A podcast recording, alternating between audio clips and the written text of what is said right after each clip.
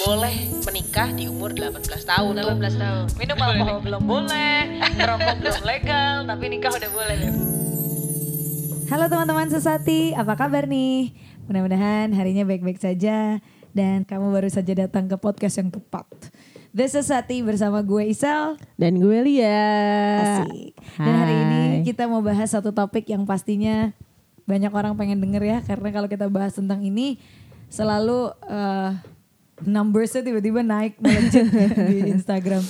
Yaitu adalah nikah muda. Nikah muda say. Nikah muda cuy.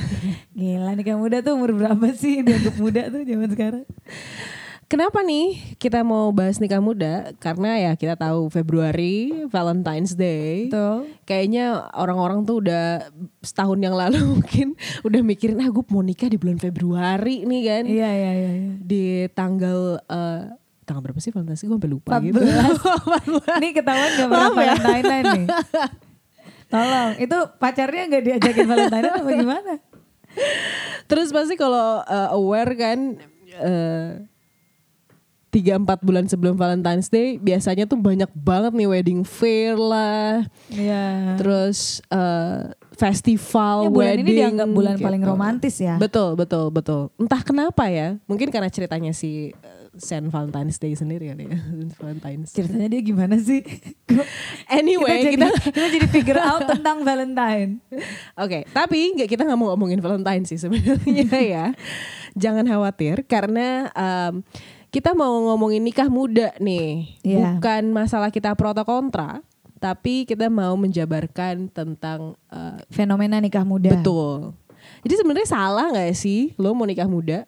Enggak sih menurut gue. Karena di dunia ini tidak ada yang salah. Ya dan Nggak ada yang benar-benar 100% Nggak ada yang salah dan benar-benar benar ya. 100%, ya, betul. Benar benar benar benar. Nggak ada yang harus di dunia ini. Nggak ada yang harus. Nah, jadi nikah muda salah nggak sih? Iya, ya nggak salah sih sebenarnya itu pilihan orang ya. Iya iya iya. Apalagi sekarang di, di era modern gini semua orang punya pilihan ya.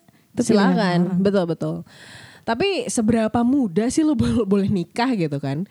Kalau di Indonesia sendiri nih baru ada undang-undang nih tahun lalu tuh direvisi. Jadi kan Oke. kalau sebelumnya eh, yang boleh nikah itu kalau pria umur 19, kalau wanita umur 16 kan. Nah, Hmm. sekarang ini direvisi karena katanya kayak kesetaraan gender lah. Jadi kedua-duanya boleh menikah di umur 18 tahun 18 tuh. tahun. Udah boleh nikah. Lulus lulus SMA lah ya. Lulus SMA udah boleh nikah. Minum alkohol belum boleh, ngerokok belum legal, tapi nikah udah boleh, Beb. Nikah udah boleh, say.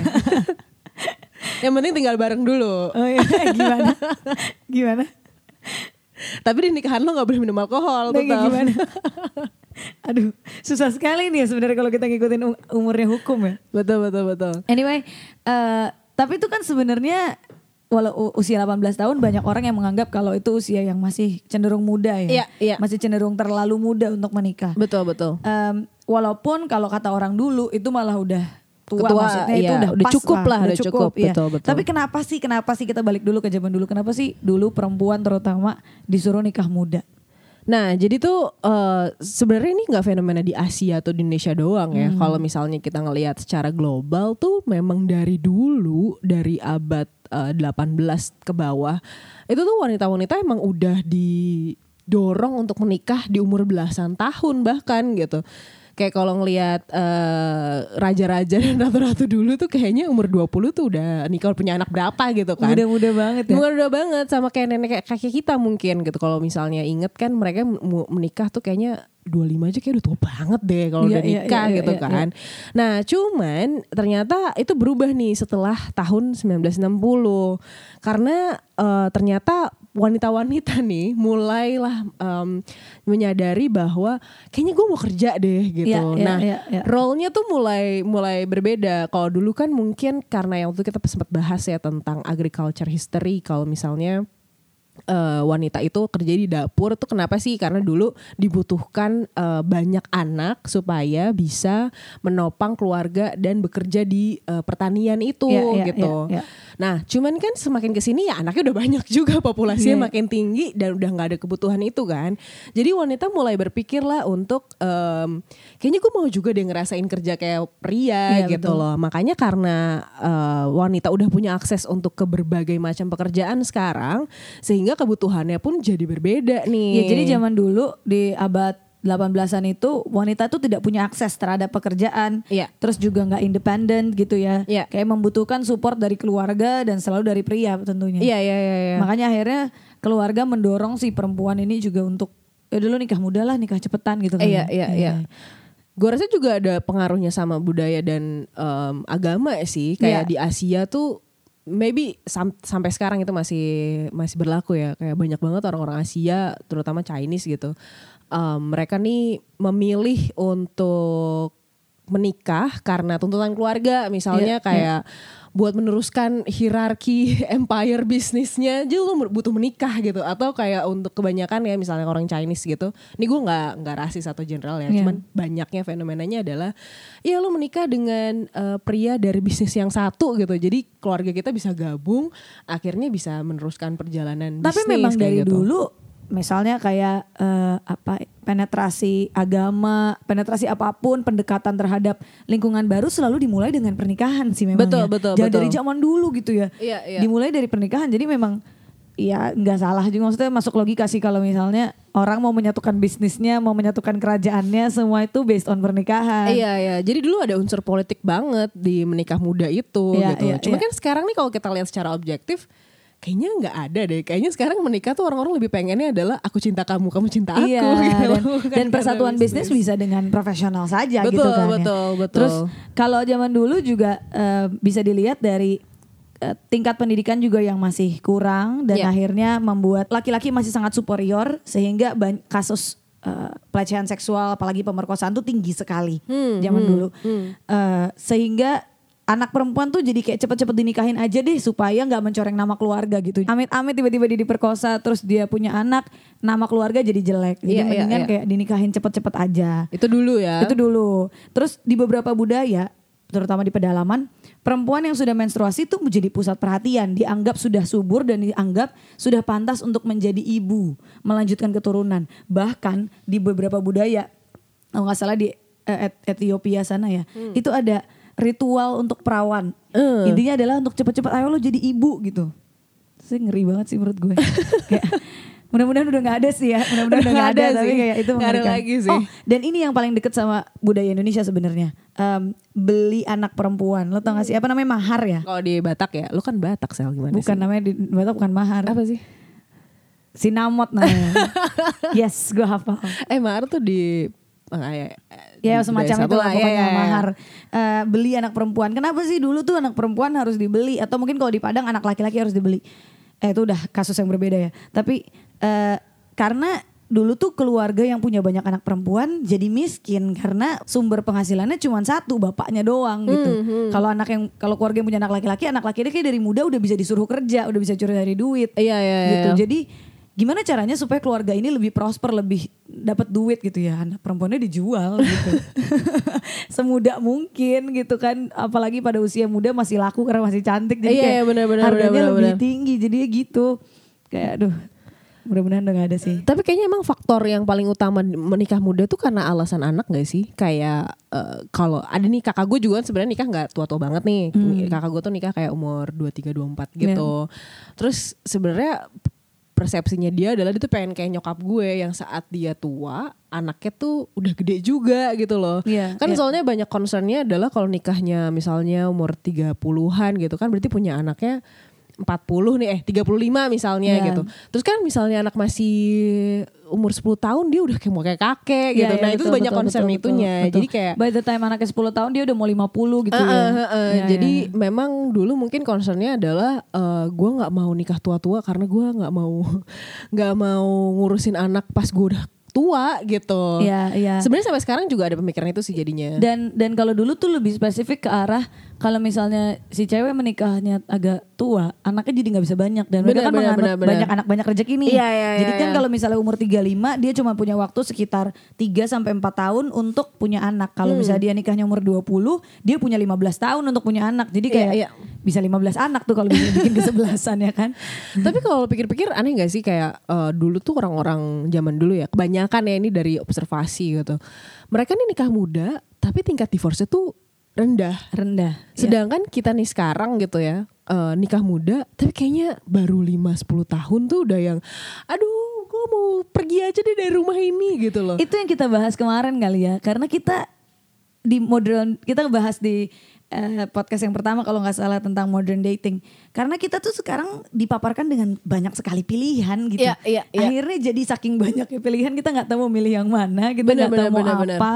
Kita jadi lost aja gitu. Mungkin itu salah satu kekurangannya juga dari Iya. orang menunda pernikahan sehingga akhirnya berpikir kayak "Permi- pernikahan tuh harus gak sih malah Iya, jadi iya, iya, gitu. iya. Soalnya kayak menurut gue eh, evolusi masalah juga masalah juga berevolusi Iya, gitu loh. betul, betul. Mungkin kalau dulu permasalahannya adalah perang atau apa, jadinya eh, oh ya udah keluarga tuh nggak terlalu jadi mungkin kayak tadi pengaruhnya women have eh, access to job juga kali ya kan mereka memang udah tahu role-nya tuh memang di rumah menjaga anak bla bla bla yang ada superiority-nya juga jadi kayak kalau menikah itu ya gue harus ngikut pria gitu loh Iya, mereka iya. yang jadi superior. Sedangkan kalau sekarang kan dengan adanya gender equality, dengan adanya negosiasi, gue mau kerja nih. Nah itu kan masalah menimbulkan masalah baru kan Iya. akhirnya gitu. Jadi masalah tambah banyak kayaknya untuk untuk punya keluarga. Belum lagi dengan misalnya, gue rasa ya masalah finance tuh bisa jadi masalah utama banget Iya, gitu kan. betul.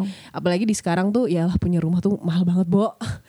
Terus kayak punya anak tuh biayanya mahal banget. Nah gue rasa dari situ akhirnya eh, banyak masalah yang ke divorce tuh bukan cuman dari masa perasaan tapi kayak faktor-faktor eksternalnya Iya, betul, yang buat nggak bisa punya keluarga lagi gitu Iya. loh. Dan anyway banyak banget alasan kenapa orang jadi akhirnya memilih untuk menunda pernikahan zaman sekarang ya. Untuk menjawab segala segala alasan yang ada di zaman dulu sebenarnya kayak perempuan nggak punya yang lo tadi bilang perempuan nggak punya akses terhadap pekerjaan sekarang udah ada ya kan terus sekarang perlindungan terhadap kekerasan seksual lebih tinggi Iya. bahkan seks itu menjadi pilihan Iya, iya. maksudnya kita membuat keputusan untuk iya apa enggak harus mutual consent consent gitu ibaratnya terus tingkat pendidikan juga semakin tinggi masyarakat nggak melulu tentang punya anak atau jadi ibu Iya, iya, iya. gitu punya kita punya value value yang lain perempuan tuh nggak cuma sekedar di rumah doang Betul, betul. gitu terus eh, sekarang keluarga juga tingkat ekonomi membaik kelihatannya sehingga eh, nggak perlu lagi tuh beli anak perempuan. Bahkan sekarang juga banyak kok orang-orang yang sudah tidak menganut adat Iya. itu gitu. Nggak perlu beli anak gue keluarga gue sebenarnya juga sudah cukup punya Iya, iya, uang gitu. Bahkan pakai aja uangnya men- untuk apa ya ke depannya pernikahan kalian gitu. Pakai aja uangnya untuk rumah untuk untuk tabungan. Terakhir ya itu banyak anak banyak rezeki. Zaman sekarang rezekinya nggak dibebanin kelahiran anak lagi nih cuy kayaknya cuy cari sendiri ada kok gitu kayak untuk dapat rezeki nggak perlu punya anak dulu Iya betul gitu. betul betul betul. Karena sebenarnya punya anak itu malah ngeluarin rezeki. itu dia yang tadi lo bilang sekolah mahal rumah mahal itu dia makanya nggak segampang itu. Nah tapi ini menjawab nggak sih kalau eh, boleh atau enggak nikah muda? Ya sah-sah aja sebenarnya nggak ada yang larang atau nggak ada yang salah sebenarnya dengan nikah muda. Tapi selalu ada syarat dari dari allowance ini akhirnya gitu. Apa sih yang perlu diperhatiin? Nah tentu aja eh lo harus punya kesiapan pertama nih itu maturity itu menurut gue kayaknya nomor satu nih makanya mungkin pemerintah juga mengeluarkan undang-undangnya di umur 18 tahun di mana mereka tuh udah menyelesaikan sekolah basic lah at Iya, least gitu. iya. karena kan ya kita harus tahu lah edukasi juga sangat penting kalau misalnya untuk em, membina rumah tangga gitu. Nggak nggak nggak bisa yang orang nggak tahu apa-apa terus Iya, tiba-tiba nikah kan gila juga gitu loh. Terus em, apalagi disuruh tinggal bareng sama seseorang yang lain ya Bener bener bener. Apalagi kayaknya itu juga berhubungan dengan finance sih menurut gue. Kayak kalau misalnya udah at least lo lulus kuliah, lo udah tau lah lo mau kerja apa. ya lo bisa cari duit lo bisa cari uang. cukup Betul. Karena ya faktor finance tuh kuat banget lah di pernikahan. Lo nikah berdua punya anak, gimana ngebiayainnya? Masa mau orang tua lo? Ya syukur kalau orang tua lo masih bisa. Kalau enggak kayak lo Iya, nggak iya, bisa iya. independen, lo nggak bisa tergantung sama orang kan gitu.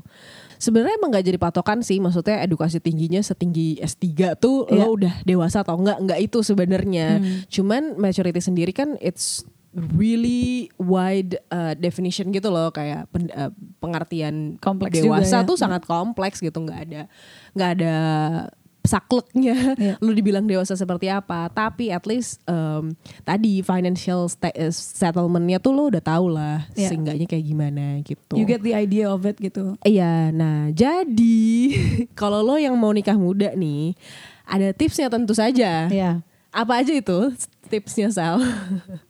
ini kita gabungin dari dari semua observasi yang eh, ini bukan kita sotoy-sotoy karena kita juga belum nikah ya. iya betul Tapi eh, kita Ini based on research lah, juga. ba- based on research dan eh, banyak kita ngobrol sama expert-expert tentang eh, nikah muda tuh kayak gimana. Kita kayak mencoba gitu. untuk menjawab semua persoalan yang tadi kita udah bahas di awal juga. Iya, iya. Semua alasan mengapa orang nikah muda, kenapa orang nikah eh, menunggu untuk menikah. Iya. Eh, kalau teman-teman semua mau mikirkan untuk mau menikah muda, yang pertama stop stop settling for less. Artinya kita sekarang lagi marak banget tentang toxic relationship. Ya. Yang paling pertama adalah kalau targetnya mau nikah muda, jangan ngejar mereka yang belum siap. jangan ngejar mereka yang nggak tahu mau apa. Ya. Karena lo mau siap untuk menikah, lo mau lo mau dalam keadaan walaupun lo mau menikah muda, tapi lo juga berharap mau menikah siap dong. Jadi jangan kejar orang-orang yang gak konsisten, teguh sama tujuan lo. Oh, gue mau nikah muda. Ya udah cari pasangan juga yang sama-sama siap untuk nikah muda. Betul, gitu. betul. Yang kedua, em, elemen-elemen siapnya jangan dilupain. Gue tahu gue Sati pernah bikin konten tentang nikah siap versus nikah muda. Gue akhirnya berpikir ulang setelah melihat komen-komen ketidaksetujuan teman-teman adalah banyak bahwa oh nikah muda juga belum tentu bukan nggak bukan artinya nggak siap Iya, gitu. iya. Ah, tapi elemen-elemen kesiapannya berarti nggak boleh dilupain. Misalnya kesehatan. Kalau lo mau nikah muda dan cepat mau punya anak, lo pastiin badan lo sehat. Betul. Ya kan? Lo percuma juga punya anak di umur 21 kalau umur 25 lo udah gak bisa jalan gitu misalnya ya kan sama aja bohong. Apa ya lebih apa bedanya sama lo umur 50 tahun Iya, gitu. iya, iya. Kesehatan. Kedua kestabilan keuangan yang tadi lo juga bilang kan. Makanya itu penting banget kan. Lo harus sudah punya at least lo punya tabungan lah nih atau seenggaknya lo punya plan lah gimana sih untuk bisa uh, save for the rain weather gitu. Sekarang zaman sekarang banyak kok anak-anak umur 16 tahun, 18 tahun udah punya uang sendiri. betul, betul. Gamers gamers itu umur 17 tahun udah beliin rumah 2 3 buat orang tuanya. gue nggak tahu duitnya dari dari mana ya. Gue nggak ngomongin soal banyak duit bisa beli rumah, tapi maksudnya bahkan segitu banyaknya lapangan pekerjaan sekarang di usia muda pun kita bisa mendapatkan akses ke apa ya finansial yang Iya, iya. stabil Iya, gitu. iya, iya. Dan yang ketiga juga kemampuan komunikasi dan kedewasaan berhadapan dengan masalah. Iya. Dan menurut gue ini sesuatu yang kita bisa train dari muda sih Betul. gitu kemampuan komunikasi untuk nggak ke anak-anakan terus amin sekarang banyak banget kok anak-anak belasan tahun yang gayanya kayak Mahmud alias mamah muda yang gayanya udah kayak tante-tante bukan gaya berpakaiannya doang gaya berpikirnya juga pengambilan keputusan mereka juga sudah cukup dewasa di usia sangat muda Iya, iya. dan alangkah baiknya jika kemampuan ini udah kita latih dari sejak muda sehingga kita nggak perlu menunggu lama untuk pada tahap di mana kita bilang oh kita siap mun ya kita bisa siap di usia 20-an awal gitu Iya iya itu dia. Tapi ya again mesti ditanya dan di eh, refleksiin ke diri sendiri nih di umur itu beneran gak lo udah siap? Karena Hmm. eh, banyak penemuan bilang bahwa di kalau kita menikah di bawah umur 24 tahun, 25 tahun, itu resiko untuk bercerai itu semakin tinggi dibandingkan kalau misalkan kita memutuskan menikah di atas umur 30. Iya. Nah, sebenarnya ini tuh make sense-nya adalah yang nggak bisa sih di, disamain disamaratain kayak oh pasti pasti bakal cerai di umur segitu nggak juga buktinya kayak kakek nenek kita long last long last aja Iya, kayaknya gitu. Cuman itu tadi karena banyaknya masalah yang berevolusi dari zaman ke zaman sekarang kebutuhannya berbeda kita tinggal di dunia yang sangat berbeda eh, nyari rumah aja kayaknya udah susah gitu ya. Mungkin yang tersedia hanya di gorong-gorong Iya, dari iya, iya. bawah jembatan atau deket kali gitu. Nah cuman em, tadi yang gue bilang banyak banget faktor yang misalnya nih eh, godaan gitu ya. Kayak tadi kita punya banyak banget pilihan gitu. Misalnya cowok. Populasi cewek aja tuh banyak banget kan di dunia Iya. ini gitu lebih banyak daripada cowok gitu. Sehingga kayak cowok tuh seakan-akan punya punya pilihan untuk gue mau sama cewek yang mana ya. Itu tuh bisa banget nih. Jadi makanya ada studi yang bilang extramarital marriage itu datangnya pertama itu dari cowok. Kenapa? Gue rasa sih karena faktor populasi wanita yang banyak banget ini ya Iya, gitu. Iya, dan iya. faktor hormon juga mungkin gitu. Jadi untuk mereduce em, resiko tadi nih resiko divorce itu adalah ya kesiapan itu gitu. Nah, salah satunya kan bisa dilakuin dengan tadi eh, premarital counseling sebenarnya yang sebenarnya udah di suggest sama pemerintah gitu loh karena banyaknya yang nikah muda kali ya. nah, jadi memang eh, tingkat divorce itu semakin tinggi eh, saat kita menikah muda kalau misalkan dilihat secara objektif misalnya gini, lo udah nikah muda, udah kenal dia tuh dari umur 24 tahun. Terus ya kita nggak nggak bisa bohong lah kalau misalnya mungkin nih 20 tahun kemudian things got different gitu loh. Iya, iya, kayak betul. kita nggak pernah bisa prediksi. Nah, sedangkan kalau misalnya udah tua, kita kayak udah capek main lah sana sini dan segala macem, itu kan memberikan kita perasaan kayak, aduh kita mau nyari apa lagi sih gitu. iya. Udah sama-sama tua, ya udahlah nikah aja settlement dan segala macam. Toh gue nggak tahu gue umurnya sampai kapan gitu. Iya, iya. Sedangkan kalau masih Betul, muda betul, dengan betul. energi ini ngelihat dari sisi psikologi dan dari umur ya, umur psikologi, umur maturity gitu. Em, kadang kan kalau kita masih umur muda itu masih pengen banyak hal, pengen Jiwanya ambisi. masih sangat eksperimental Iya betul ya. betul. Jadinya eh, banyak banget faktor-faktor yang akhirnya pas kita umur 35 terus kita yang dulu gue ngabisin waktu gue ke mana ya masa gue di umur muda udah nikah terus gue belum ngerasain apa kayak teman-teman gue yang lain Iya, gitu iya, loh. iya, iya.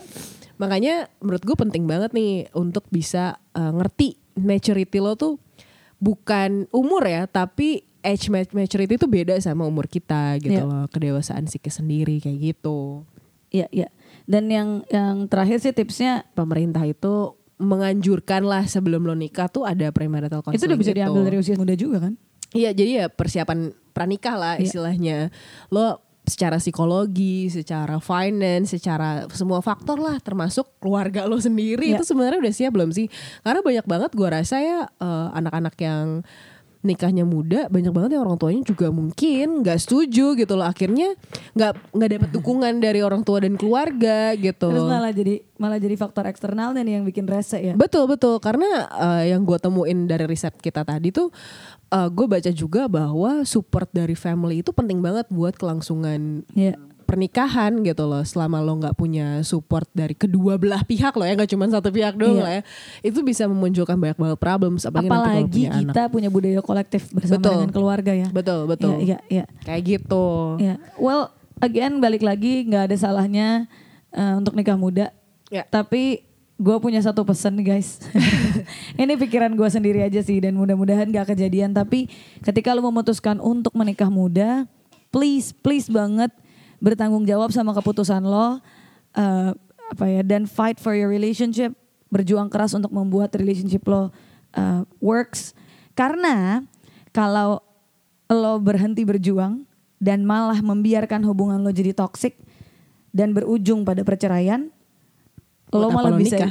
iya kenapa lo nikah? Lo malah bisa jadi alasan buat orang lain betul menunda pernikahan mereka dan tidak percaya lagi pada mereka muda. iya Jadi menurut gue eh, sekarang banyak sekali orang yang berkoar-koar tentang ayo nikah siap aja, ayo nikah ditunda aja pernikahannya demi kesiapan. Saat ini mau mengkoreksi bahwa kita tidak em, apa ya kita tidak menganjurkan apa pun itu keputusan lo, but if you do choose something, be responsible of it Iya. lah, gitu. karena yang bisa bertanggung jawab sama diri lo sendiri ya diri lo sendiri Betul. Dan, gitu tapi tapi anyway ya, lo akan set example for others gitu Iya, ya iya. kan. Karena karena lo memutuskan nikah di umur 20 kemudian nanti amit-amit tapi di umur 30 lo gagal, teman-teman lo yang belum menikah di usia 30 akan kayak tuh kan gue nunggu gitu jadinya gitu loh.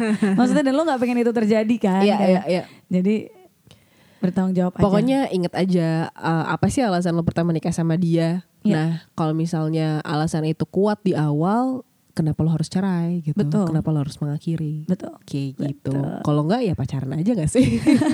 nggak usah nikah dulu. Thank you.